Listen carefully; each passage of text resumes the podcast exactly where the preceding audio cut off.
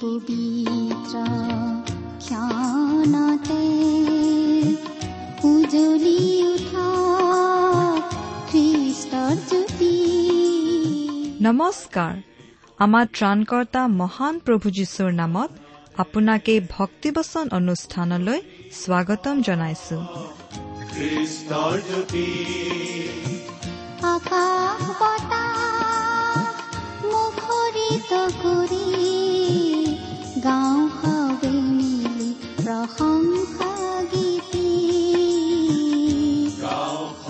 এয়া মুকলি কৰিছো ঈশ্বৰৰ জীৱিত বাক্যৰ ধাৰাবাহিক অনুষ্ঠান ভক্তি বচন। আপোনাৰ জীৱনত যদি শান্তি পাব বিচাৰে তেন্তে এয়া ঈশ্বৰৰ বাক্যৰ সান্তনা বাক্য ভক্তি বচন।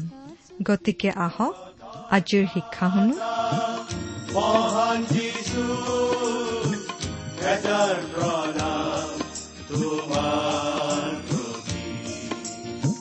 গ্ৰহণ কৰাই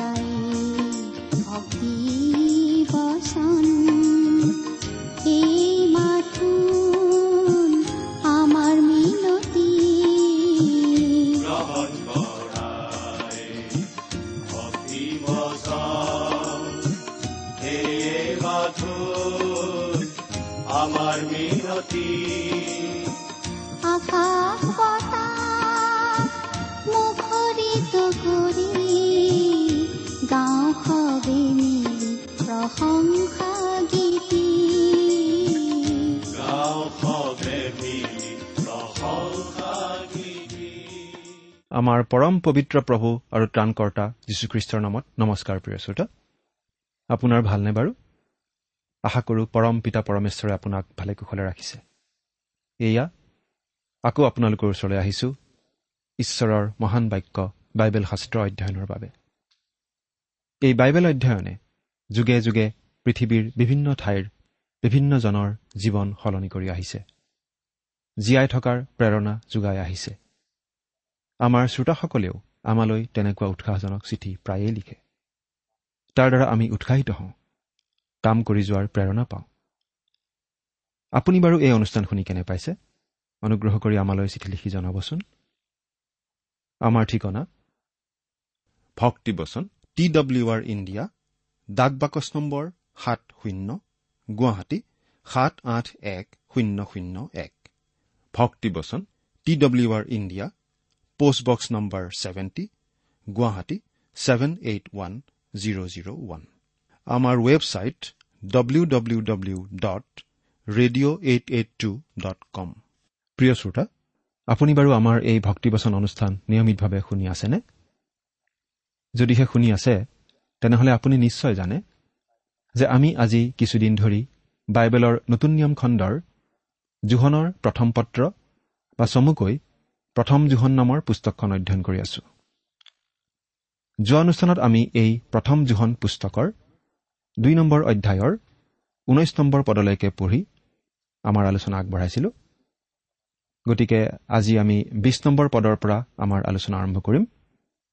আহকচোন আমাৰ বাইবেল অধ্যয়ন আৰম্ভ কৰাৰ আগতে পৰম পিতা পৰমেশ্বৰৰ ওচৰত প্ৰাৰ্থনাত মূৰ নত কৰোঁ হওক আমি প্ৰাৰ্থনা কৰোঁ হে আমাৰ স্বৰ্গত থকা সৰ্বশক্তিমান সৰ্বব্যাপী সৰ্বজ্ঞানী পিতৃ ঈশ্বৰ তোমাৰ মহান নামৰ ধন্যবাদ কৰোঁ।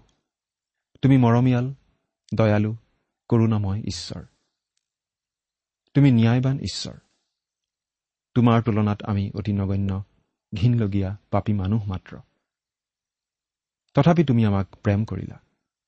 আমাক উদ্ধাৰ কৰিবলৈ নিজ পুত্ৰ যীশুখ্ৰীষ্টকেই আমালৈ দান কৰিলা। আজি প্ৰভু যীশুক গ্ৰহণ কৰি আমি তোমাক পিতৃ বুলি মাতিব পৰা হৈছো। তাৰ বাবে তোমাক অশেষ ধন্যবাদ পিতা। প্ৰভু এতিয়া তোমাৰ বিশেষ আশীৰ্বাদ বিচাৰিছো। তোমাৰ বাক্য বুজিবলৈ আমাক সহায় কৰা। তুমিয়েই আমাক শিকোৱা তুমিয়েই আমাক কথা কোৱা। আমি নিমিত্ত মাত্ৰ। আমাৰ এই অনুষ্ঠান শুনি থকা প্ৰতিজন শ্ৰোতাক তুমি আশীৰ্বাদ কৰা। তেওঁলোকৰ জাগতিক দিশতো তোমাৰ আশীৰ্বাদ প্ৰকাশ পাই উঠিবলৈ দিয়া। আত্মিক জীৱনতো তোমাৰ বিশেষ আশীৰ্বাদ কাৰ্যকৰী কৰা। কিয়নো এই প্ৰাৰ্থনা আমাৰ হকে ক্ৰুচত প্ৰাণ দি তৃতীয় দিনা পুনৰ জি উঠা মৃত্যুঞ্জয়ী প্ৰভু যীশুখ্ৰীষ্টৰ নামত অৰ্পণ কৰিলো। আহমেদ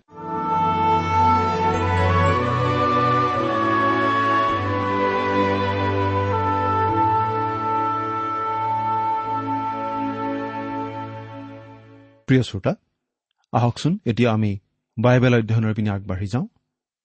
আজিৰ অনুষ্ঠানত আমি প্ৰথম জোহন পুস্তকৰ দুই নম্বৰ অধ্যায়ৰ বিছ নম্বৰ পদৰ পৰা একেবাৰে চৌব্বিছ নম্বৰ পদলৈকে পঢ়ি আমাৰ আলোচনা আগবঢ়াবলৈ ওলাইছো।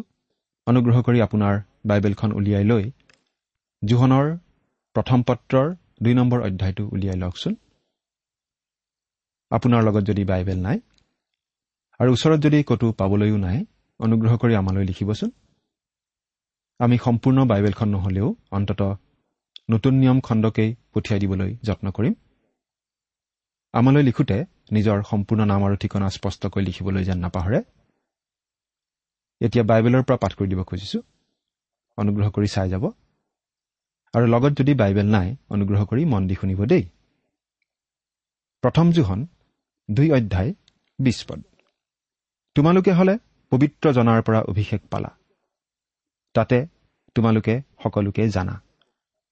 তোমালোকে হ'লে পবিত্ৰ জনাৰ পৰা অভিষেক পালা। ইয়াত তোমালোকে মানে প্ৰতিজন খ্ৰীষ্টীয় বিশ্বাসীকে বুজোৱা হৈছে। খ্ৰীষ্টীয় বিশ্বাসীয়ে পবিত্ৰ আত্মাৰ পৰা অভিষেক পায়। পবিত্ৰ আত্মাৰ দ্বাৰা অভিষিক্ত হোৱা কথাটো আমি অনুভৱ কৰোঁ বা নকৰোঁ। কিন্তু প্ৰভু যীশুক ত্ৰাণকৰ্তা বুলি গ্ৰহণ কৰিলে আমি পবিত্ৰ আত্মাৰ যোগেৰে আত্মিকভাৱে নতুন জন্ম পাওঁ। ঈশ্বৰৰ সন্তান হৈ পৰোঁ আৰু পবিত্ৰ আত্মাৰ দ্বাৰা অভিষিক্ত হওঁ। এই কথাটো আমি সাতাইছ নম্বৰ পদতো এনেদৰে পঢ়িবলৈ পাওঁ। তেওঁৰ পৰা তোমালোকে যি অভিষেক পালা সেয়ে তোমালোকৰ অন্তৰত থকাত কোনোৱে যেন তোমালোকক শিক্ষা দিয়ে তোমালোকৰ এনে প্ৰয়োজন নাই।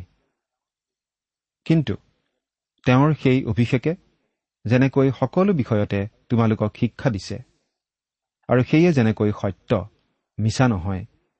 আৰু সেয়ে যেনেকৈ তোমালোকক শিক্ষা দিলে তেনেকৈ তোমালোক তেওঁতেই থাকা। তোমালোকে হ'লে পবিত্ৰ জনাৰ পৰা অভিষেক পালা। তাতে তোমালোকে সকলোকে জানা। প্ৰত্যেক খ্ৰীষ্টীয় বিশ্বাসীতেই পবিত্ৰ আত্মাই নিবাস কৰে। প্ৰত্যেকজন প্ৰকৃত খ্ৰীষ্টীয় বিশ্বাসীতে পবিত্ৰ আত্মা নিবাস কৰে। আৰু পবিত্ৰ আত্মাই খ্ৰীষ্টীয় বিশ্বাসীজনৰ আগত সকলো কথা প্ৰকাশ কৰি দিব পাৰে। এই বিষয়ে আমি বাইবেলত এনেদৰে পঢ়িবলৈ পাওঁ। কিন্তু সেই গুপ্ত জ্ঞানৰ বিষয়ে এইদৰে লিখা আছে। চকুৱে যি যি নেদেখিলে কাণে যি যি নুশুনিলে আৰু মানুহৰ হৃদয়তো যি যি নুসুমাল ঈশ্বৰে তেওঁক প্ৰেম কৰোতাবিলাকৰ নিমিত্তে যি সকলো যুগুত কৰিলে কিন্তু ঈশ্বৰে আত্মাৰ দ্বাৰাই তাক আমাৰ আগত প্ৰকাশ কৰিলে। কাৰণ আত্মাই সকলোকে এনেকি ঈশ্বৰৰ গভীৰ কথাকো অনুসন্ধান কৰে।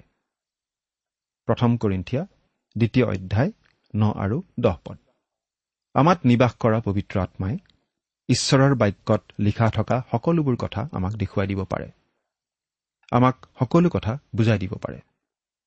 আমি প্ৰভু যীশুত বিশ্বাস স্থাপন কৰি পবিত্ৰ আত্মাৰ অভিষেক লাভ কৰোঁ আৰু আমি যে পৰিত্ৰাণ পালোঁ তাৰ নিশ্চয়তা লাভ কৰিব পাৰোঁ। প্ৰতিজন খ্ৰীষ্টীয় বিশ্বাসীয়েই পৰিত্ৰাণ লাভ কৰা কথাটোৰ নিশ্চয়তা লাভ কৰিব পাৰে। প্ৰিয় শ্ৰোতা আপুনি ঈশ্বৰৰ হকে জীয়াই থাকিব বিচাৰেনে? আপুনি ঈশ্বৰৰ সৈতে সহভাগিতা ৰাখি জীয়াই থাকিব বিচাৰেনে? তেন্তে তেওঁৰ ওচৰলৈ আহক। পোহৰ বিচাৰক। তেওঁৰ নিৰ্দেশনা বিচাৰক আৰু তেওঁৰ পৰা নিশ্চয়তা বিচাৰক। পবিত্ৰ আত্মাৰ যোগেদি তেওঁ সেই সকলোখিনি আমাক দিব পাৰে। তোমালোকে সকলোকে জানা। ঈশ্বৰৰ সন্তান হিচাপে আমি যিমানবোৰ কথা জনা উচিত সেই সকলোখিনি কথা আমি জানিব পাৰোঁ। জনাটো সম্ভৱ। তাৰমানে অৱশ্যে এইটো নহয় যে আমি খ্ৰীষ্টক ত্ৰাণকৰ্তা বুলি গ্ৰহণ কৰাৰ লগে লগে আত্মিক বিষয়ৰ পি এইচ ডি ডিগ্ৰী লাভ কৰাৰ নিচিনা হয়। কিন্তু আমি ঈশ্বৰৰ সন্তান হোৱাৰ পাছত পবিত্ৰ আত্মাৰ শক্তিৰে ঈশ্বৰৰ বাক্য অধ্যয়ন কৰিব পৰা হওঁ বুজিব পৰা হওঁ আৰু ঈশ্বৰে আমাৰ জীৱনলৈ পঠিওৱা অভিজ্ঞতাবোৰৰ যোগেদি আমি এই সকলো বিষয়ত দিনে দিনে অধিক জ্ঞান অৰ্জন কৰিব পৰা হওঁ। এই সকলো বিষয়ত বৃদ্ধি পাব পৰা হওঁ। এই কথাটো সকলোৰে ক্ষেত্ৰত সম্ভৱ। প্ৰতিজন খ্ৰীষ্টীয় বিশ্বাসীৰ ক্ষেত্ৰত এইটো সম্ভৱ। আমি বহুতো সাধাৰণ লোক লগ পাওঁ যিসকল বেছি শিক্ষিতো নহয়। কিন্তু ঈশ্বৰৰ বাক্যৰ ক্ষেত্ৰত বহুতো কথা জানে আৰু আনৰ আগত বুজাই কবও পাৰে। আমাৰ মাজত প্ৰায়েই এনে ভুল ধাৰণা থাকে যে কেৱল ছেমিনাৰীত পঢ়া মানুহেহে বাইবেলৰ কথা ভালদৰে বুজাই দিব পাৰে। আমি প্ৰায়ে ভাবোঁ যে কেৱল ঈশ্বৰৰ পৰিচৰ্যাত থকা লোকেহে বাইবেলৰ কথা ভালদৰে বুজাব পাৰে। কিন্তু কথাটো তেনেকুৱা নহয়। এজন বিখ্যাত বাইবেল শিক্ষকে তেওঁৰ এটা অভিজ্ঞতাৰ কথা এনেদৰে বৰ্ণাইছিল। মই তেতিয়া ছেমিনাৰীৰ প্ৰথম বাৰ্ষিকৰ ছাত্ৰ আছিলো। এবাৰ মোক এখন সৰু গাঁৱলীয়া ঠাইলৈ নিমন্ত্ৰণ কৰা হৈছিল ঈশ্বৰৰ বাক্য কবলৈ। তাৰ মানুহবোৰ সাধাৰণ শ্ৰেণীৰ মানুহ আছিল। বেছি শিক্ষা দীক্ষা নাছিল। মোৰ লগত ছেমিনাৰীত একেলগে পঢ়া বন্ধু এজনো গৈছিল। সেইদিনা আমি দুপৰীয়াৰ আহাৰ কৰিব লগা হৈছিল এগৰাকী বৃদ্ধাৰ ঘৰত। সেই বৃদ্ধাগৰাকীক সকলোৱে আইতা বুলি মাতিছিল। সেই বৃদ্ধাগৰাকী যথেষ্ট সাহসী আৰু কৰ্মঠ মহিলা আছিল। কিন্তু তেওঁ লিখিব পঢ়িব নাজানিছিল। তেওঁ গীৰ্জাত যোগ দিবলৈ আহিব পৰা নাছিল। সেইকাৰণে মোক মানুহবোৰে অনুৰোধ কৰিলে আপুনি আইতাৰ কাৰণে বাইবেলৰ পৰা কিবা অলপ পাঠ কৰি শুনাবনে? মই ছেমিনাৰীৰ ছাত্ৰ আছিলো গতিকে মই নিজকে যথেষ্ট পণ্ডিত বুলি ভাবিছিলো। সেই মহিলাগৰাকীৰ তুলনাত মই নিজকে বহুত কথা জনা বুলি ভাবিছিলো। সেই মহিলাগৰাকীয়েতো লিখা পঢ়াই নাজানিছিল। গতিকে তেওঁক অলপ সহায় কৰাটো মোৰ কৰ্তব্য বুলি ভাবিলো। মই ভাবিলো তেওঁ বেছি টান কথা বুজি নাপাব গতিকে এটা সহজ অধ্যায় পঢ়ি দিয়াই ভাল হ'ব। মই জোহনে লিখা শুভবাৰ্তাৰ চৈধ্য নম্বৰ অধ্যায়টো বাছি ললো আৰু পঢ়িবলৈ ধৰিলো। পঢ়ি যাওঁতে মই মাজে মাজে আইতাক অলপ বুজাই দিবও ধৰিলো। যিহেতু তেওঁ লিখা পঢ়া নাজানে তেওঁক সহায় কৰাটো উচিত বুলি ভাবিলো। মই দুই এটা মন্তব্য কৰি গলো আৰু তেওঁ অলপ বিৰক্তিৰ ভাৱেৰে শুনি যোৱা যেন লাগিল। কিছু সময় পাছত আইতাই মাত দি কলে বোপা তুমি বাৰু শাস্ত্ৰৰ এই কথাখিনিৰ মাজত এই বিশেষ কথাটো মন কৰিছানে? সেইবুলি তেওঁ সেই শাস্ত্ৰাংশৰ পৰা এনেকুৱা কিছুমান কথা ক'বলৈ ধৰিলে যিবোৰ কথা মই আগতে কেতিয়াও শুনাই নাছিলো ভবাও নাছিলো। মই ছেমিনাৰীত কোনো শিক্ষকে তেনেধৰণৰ ব্যাখ্যা দিয়াও আগতে শুনা নাছিলো। মুঠতে মই মহিলাগৰাকীক কোৱাৰ সলনি মহিলাগৰাকীয়ে কোৱা কথাখিনিহে মই মন দি শুনিবলৈ ধৰিলো। মোৰ লগত থকা বন্ধুজনে মন দি শুনি গ'ল। ঘূৰি আহোঁতে তেওঁ মোক ক'লে অলপ ঠাট্টাৰ সুৰেৰে আজি কিন্তু আইতাক তুমি ভাল বুজালা দেই? মই উত্তৰ দি ক'লো আইতাই বাৰু জোহন চৈধ্য নম্বৰ অধ্যায়ৰ বিষয়ে এই কথাবোৰ ক'ৰ পৰা শিকিলে বুলি ভাবা? বন্ধুজনে উত্তৰ দিলে হয়তো পবিত্ৰ আত্মাই তেওঁৰ শিক্ষক। এই কথাটো তোমাৰ মনত খেলাইছিল নে? আমি হয়তো ভুল শিক্ষকৰ পৰা শিক্ষা লৈ আছো। আচল শিক্ষকজনৰ কথা পাহৰিয়ে গৈছো। প্ৰিয় শ্ৰোতা আমি পবিত্ৰ আত্মাক আমাৰ শিক্ষক হ'বলৈ দিয়া উচিত। তোমালোকে হলে পবিত্ৰজনাৰ পৰা অভিষেক পালা। তাতে তোমালোকে সকলোকে জানা। এইটো প্ৰতিজন খ্ৰীষ্টীয় বিশ্বাসীৰ বাবেই সম্ভৱ। কিন্তু শিক্ষা গ্ৰহণ কৰাৰ দায়িত্বটো আমাৰ। আমি পবিত্ৰ আত্মাক আমাৰ শিক্ষক হ'বলৈ সুবিধাখিনি দিলেহে তেওঁ আমাক শিকাব পাৰে। এতিয়া একৈশ নম্বৰ পদটো পঢ়ি দিছো। এনেদৰে লিখা আছে। তোমালোকে সত্যকে নাজানা বুলি যে মই তোমালোকলৈ লিখিলো এনে নহয়। কিন্তু তোমালোকে তাক জনাৰ কাৰণে আৰু কোনো মিছা যে সত্যৰ পৰা উৎপন্ন নহয় তাৰ কাৰণেহে লিখিলো। তোমালোকে সত্যকে নাজানা বুলি যে মই তোমালোকলৈ লিখিলো এনে নহয়। তেওঁলোকে খ্ৰীষ্টৰ শুভবাৰ্তা ইতিমধ্যেই শুনিছিল আৰু শুনি বিশ্বাস কৰিছিল। তেওঁলোকে ইতিমধ্যেই সত্যক জানিছিল। জোহনে আচলতে তেওঁলোকলৈ কোনো নতুন কথা লিখা নাছিল। তেনেহলে জোহনে এই কথাবোৰ তেওঁলোকলৈ কিয় লিখিছিল? আমি ভাবোঁ তেওঁ দুটা কাৰণত। বা দুটা উদ্দেশ্যেৰে এই কথাবোৰ লিখিছিল। তেওঁলোকক উৎসাহ আৰু উদগনি দিবলৈ আৰু দ্বিতীয়তে তেওঁলোকক সাৱধান বা সচেতন কৰি দিবলৈ কাৰণ তেওঁলোকৰ মাজত ইতিমধ্যেই বহুতো ভুৱা শিক্ষক ওলাইছিল। কিন্তু তোমালোকে তাক জনাৰ কাৰণে আৰু কোনো মিছা যে সত্যৰ পৰা উৎপন্ন নহয় তাৰ কাৰণেহে লিখিলো। জোহনে এই বুলি কৈছে যে তেওঁলোকে ইতিমধ্যে সত্যক জানিলে কিন্তু এতিয়া অসত্যৰ প্ৰৱেশ ঘটিব ধৰিছে। গ্নষ্টিচিজিম নামৰ এটা নতুন মতবাদে খ্ৰীষ্টীয় বিশ্বাসীসকলৰ মাজত সোমাই পৰি বিশ্বাসীসকলৰ মনত খেলি মেলি লগাব ধৰিছিল। খ্ৰীষ্টাৰীৰো আৱিৰ্ভাৱ হৈছিল। বহুতো খ্ৰীষ্টাৰী ওলাইছিল। খ্ৰীষ্টাৰীনো কোন? সেই বিষয়ে আমি ইতিমধ্যে কিছু কথা আলোচনা কৰি আহিছো। এতিয়া জোহনে আৰু এটা কথা আমাক জনাব। বাইছ নম্বৰ পদত আমি এনেদৰে পাওঁ। যীশু যে সেই অভিষিক্ত জনা ইয়াক যিজনে অস্বীকাৰ কৰে তেওঁৰ বাহিৰে আৰু আচল মিছলীয়া কোন আছে? সেইজনেই খ্ৰীষ্টাৰী। তেওঁ পিতৃ আৰু পুত্ৰকো অস্বীকাৰ কৰে। ইয়াত যথেষ্ট স্পষ্টভাৱে আৰু বেছ চোকা ভাষাৰেই কথাখিনি কোৱা হৈছে। আচল মিছলীয়া কোন? আচলতে সকলো অসত্যৰ ভাণ্ডাৰ এজনেই। কোন বাৰু? ছয়তান। ছয়তানেই সকলো অসত্যৰ মূল। এজন ব্যক্তি আহি আছে। প্ৰভু যীশুৰ পুনৰ আগমনৰ আগে আগে সেই লোকজন প্ৰকাশিত হ'ব। সেই লোকজন হ'ব ছয়তানৰ বিশেষ লোক। সেই লোকজন হ'ব মিছলীয়া। মিছলীয়া লোকে সত্য কথা নকয়। যীশু যে সেই অভিষিক্ত জনা ইয়াক যিজনে অস্বীকাৰ কৰে তেওঁৰ বাহিৰে আৰু আচল মিছলীয়া কোন আছে?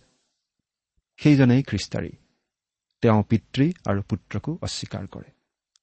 এতিয়া জোহনে আমাক খ্ৰীষ্টাৰীৰ ব্যাখ্যা দিছে। খ্ৰীষ্টাৰীনো কোন? সেই কথা জনাই দিছে। এয়েই হৈছে খ্ৰীষ্টাৰীৰ মূল পৰিচয়। মূল খ্ৰীষ্টাৰীজন আহিব প্ৰভু যীশুৰ দ্বিতীয় আগমনৰ আগে আগে। কিন্তু বহুতো খ্ৰীষ্টাৰী আছে। জোহনৰ সময়তো বহুতো খ্ৰীষ্টাৰী আছিল। আমাৰ আজিৰ সময়তো আছে। এই খ্ৰীষ্টাৰীবোৰনো কোন? খ্ৰীষ্টাৰীবোৰক চিনি পোৱাটো অতি সহজ।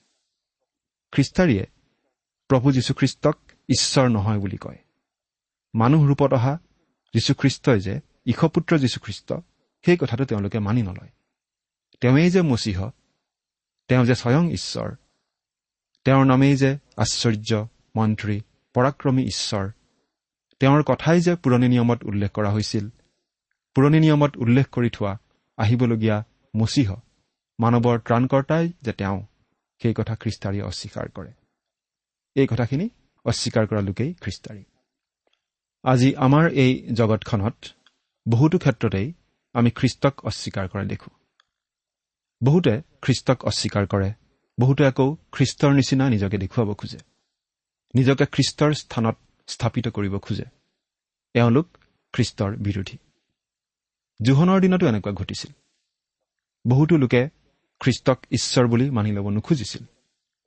কিন্তু তেওঁক কেৱল জোচেফ আৰু মৰিয়মৰ সন্তান বুলিহে আৰু আন সাধাৰণ মানুহৰ নিচিনাকৈ জন্ম লোৱা ব্যক্তি বুলিয়েই ক'ব খুজিছিল।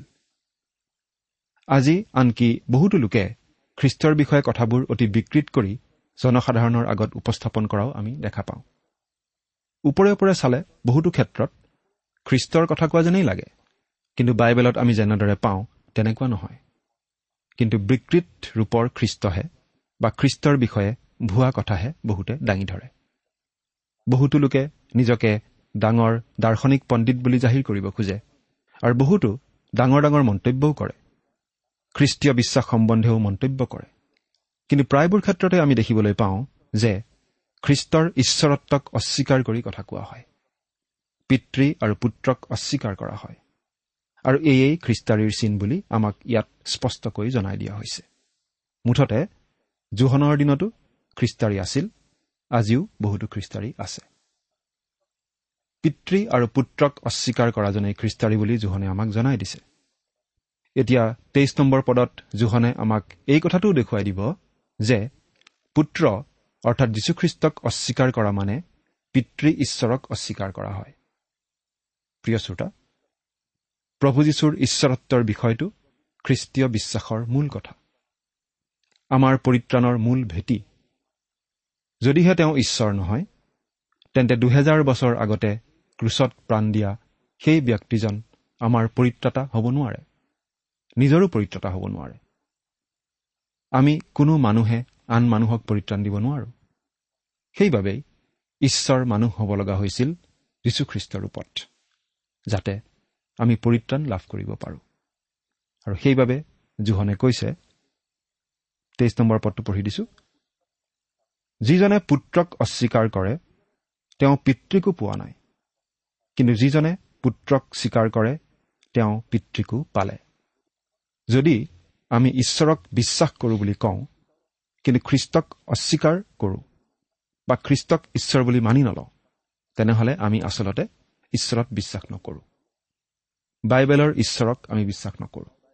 কাৰণ বাইবেলত যি জনা ঈশ্বৰৰ কথা আমি পাওঁ তেওঁ আমাৰ পাপৰ কাৰণে মৃত্যুবৰণ কৰিবলৈ নিজৰ একেজাত পুত্ৰকে জগতলৈ পঠালে। তেওঁৱেই যীশুখ্ৰীষ্ট। যিহেতু সেই পুত্ৰ স্বয়ং ঈশ্বৰ গতিকে কেৱল তেওঁৱেই আমাৰ পাপৰ বাবে নিজে শাস্তি বহন কৰি পিতৃ ঈশ্বৰক সন্তুষ্ট কৰিব পাৰে। যদিহে প্ৰভু যীশু ঈশ্বৰ নাছিল তেন্তে তেওঁ ক্ৰুচৰ ওপৰত দিয়া বলিদানৰ ভিত্তিত আমি পৰিত্ৰাণ পাব নোৱাৰোঁ। কিন্তু আমি জানো যে খ্ৰীষ্টই ঈশপুত্ৰ আৰু তেওঁ মানুহৰ ৰূপত অহা স্বয়ং ঈশ্বৰ। তেওঁ ক্ৰুচৰ ওপৰত আমাৰ সকলোৰে হৈ মৃত্যুবৰণ কৰিলে। আমাৰ পাপৰ প্ৰায়চিত্ৰ কৰিবলৈ নিজৰ অমূল্য তেজ বোৱালে। আৰু তৃতীয় দিনা কবৰৰ পৰা জি উঠি নিজৰ ঈশ্বৰত্বৰ প্ৰমাণো দিলে। তেওঁক ত্ৰাণকৰ্তা বুলি গ্ৰহণ কৰি আমি আমাৰ সকলো পাপৰ ক্ষমা লাভ কৰোঁ আৰু পৰিত্ৰাণ লাভ কৰোঁ অনন্ত জীৱনৰ ভাগি হওঁ। চৌব্বিছ নম্বৰ পদটো পঢ়ি দিম। তোমালোকে আদিৰে পৰা যি শুনিলা সেয়ে তোমালোকৰ অন্তৰত থাকক। সেই আদিৰে পৰা শুনা কথা তোমালোকৰ অন্তৰত যদি থাকে তেন্তে তোমালোকেও পুত্ৰত আৰু পিতৃটোত থাকিবা।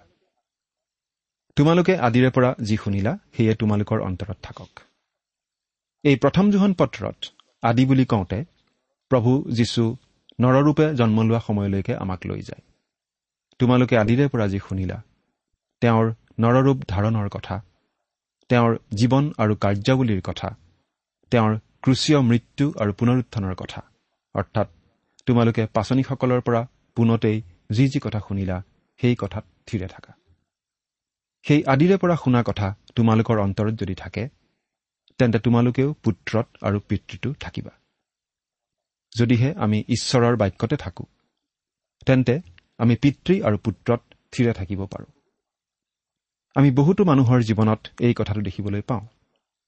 ঈশ্বৰৰ বাক্যত থিতাপি লৈ পিতৃ পুত্ৰত থিৰে থাকি আদৰ্শ খ্ৰীষ্টীয় জীৱন যাপন কৰি অনেকৰ বাবে আশীৰ্বাদ কঢ়িয়াই অনা বহুতো লোক আমি দেখি আহিছোঁ। আজিৰ পৰা দুহেজাৰ বছৰ আগতে এই জগতলৈ অহা সেই মহান প্ৰভু যীশুতেই জীৱন্ত বিশ্বাস থকাটো আমাৰ বাবে অতি প্ৰয়োজনীয় কথা। তেওঁৰ বিষয়ে লিখা আছে সেই বাক্য মাংস হ'ল আৰু অনুগ্ৰহ আৰু সত্যতাৰে পৰিপূৰ্ণ হৈ আমাৰ মাজত বসতি কৰিলে। তাতে পিতৃৰ একমাত্ৰ পুত্ৰৰ উপযুক্ত যি প্ৰভাৱ সেই প্ৰভাৱ আমি দেখিলোঁ। জোহন প্ৰথম অধ্যায় চৈধ্য পদ। কোনেও ঈশ্বৰক কেতিয়াও দেখা নাই। পিতৃৰ কোলাত থকা একমাত্ৰ পুত্ৰই তেওঁক প্ৰকাশ কৰিলে। জোহন প্ৰথম অধ্যায় ওঠৰ পদ। সেই প্ৰভু যীশুৱেই আমাৰ আগত পিতৃ ঈশ্বৰক প্ৰকাশ কৰিলে। তেওঁৰ যোগেদিয়েই আমি ঈশ্বৰক জানিব পৰা হলো বুজিব পৰা হলো কাৰণ তেওঁ মানৱৰ ৰূপত অহা ঈশ্বৰ। আৰু ঈশ্বৰক জানিবলৈ সেইটোৱেই একমাত্ৰ উপায়। সেয়েই আজি আমি ঈশ্বৰক জানিব পাৰোঁ। ঈশ্বৰৰ সৈতে সহভাগিতা ৰাখিব পাৰোঁ প্ৰভু যীশুৰ যোগেদি। প্ৰিয় শ্ৰোতা আপুনি বাৰু প্ৰভু যীশুক কি হিচাপে গ্ৰহণ কৰিছে? তেওঁ এই যে মানৱ ৰূপত অহা ঈশ্বৰ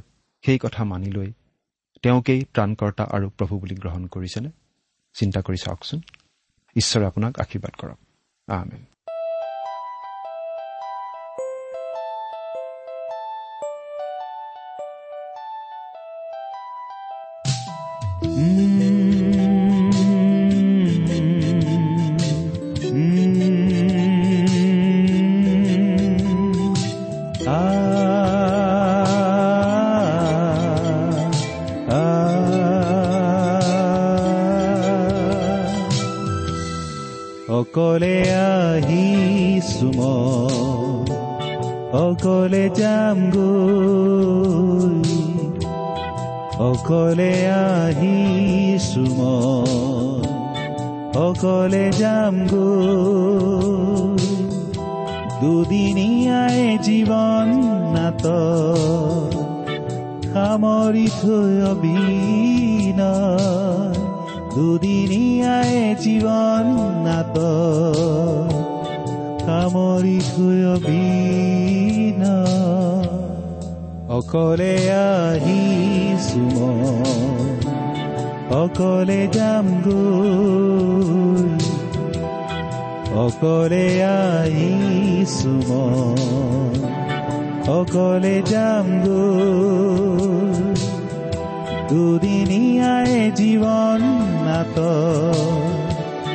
কামৰি থৈ অভিন দুদিনীয়াই জীৱন ইমান পৰে আপুনি ভক্তিবচন অনুষ্ঠানটি শুনিলে। এই বিষয়ে আপোনাৰ মতামত জানিবলৈ পালে আমি নথৈ আনন্দিত হ'ম। আমি প্ৰস্তুত কৰা বাইবেল অধ্যয়নৰ আন চিডিসমূহ পাব বিচাৰিলেও আমালৈ লিখক। অনুষ্ঠানটি শুনি কেনে পালে আমালৈ চিঠি লিখি জনাবচোন। অনুষ্ঠানত প্ৰচাৰ কৰা কোনো কথা বুজিব লগা থাকিলেও আমালৈ লিখক। আমাৰ ঠিকনা? ভক্তিবচন ট্ৰান্স ৱৰ্ল্ড ৰেডিঅ' ইণ্ডিয়া ডাক বাকচ নম্বৰ সাত শূন্য গুৱাহাটী সাত আঠ এক শূন্য শূন্য এক। ঠিকনাটো আৰু এবাৰ কৈছো ভক্তিবচন ট্ৰান্স ৱৰ্ল্ড ৰেডিঅ' ইণ্ডিয়া ডাক বাকচ নম্বৰ সাত শূন্য গুৱাহাটী সাত আঠ এক শূন্য শূন্য এক। আমাৰ ইমেইল এড্ৰেছটো হৈছে S T T B at the rate radio' eight eight two dot com আমাৰ website W W W dot T W R dot in আপুনি টেলিফোনৰ মাধ্যমেৰেও আমাক যোগাযোগ কৰিব পাৰে। আমাৰ টেলিফোন নম্বৰটো হৈছে শূন্য তিনি ছয় এক দুই ছয় শূন্য চাৰি ছয় সাত এক। ফোন নম্বৰটো আকৌ এবাৰ কৈছো zero' three six one two six zero' four six seven one আজিৰ অনুষ্ঠানটি ইমানতে সামৰিছো। ঈশ্বৰৰ শান্তি আৰু অনুগ্ৰহ আপোনাৰ লগত থাকক। ধন্যবাদ।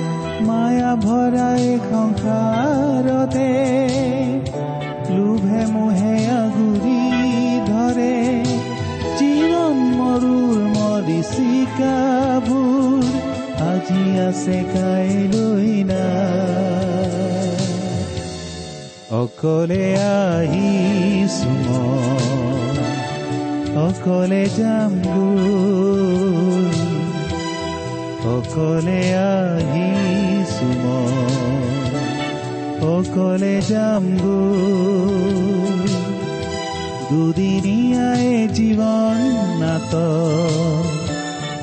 আমরি থৈ অভিন। দুদিনীয়াই জীৱন নাট আমরি থৈ অভিন।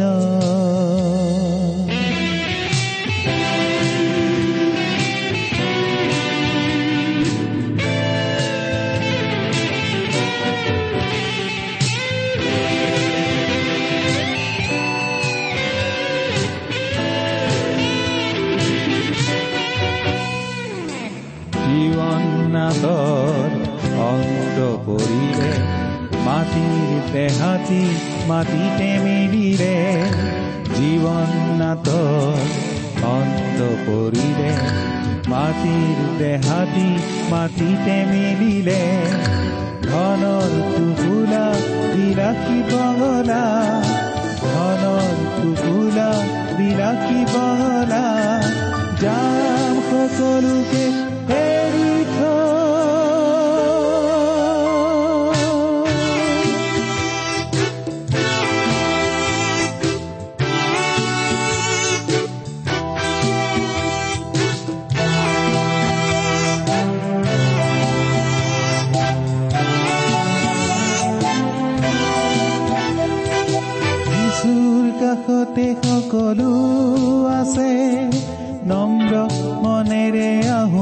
বিশ্বাসেৰে যিচুৰ কাষতে সকলো আছে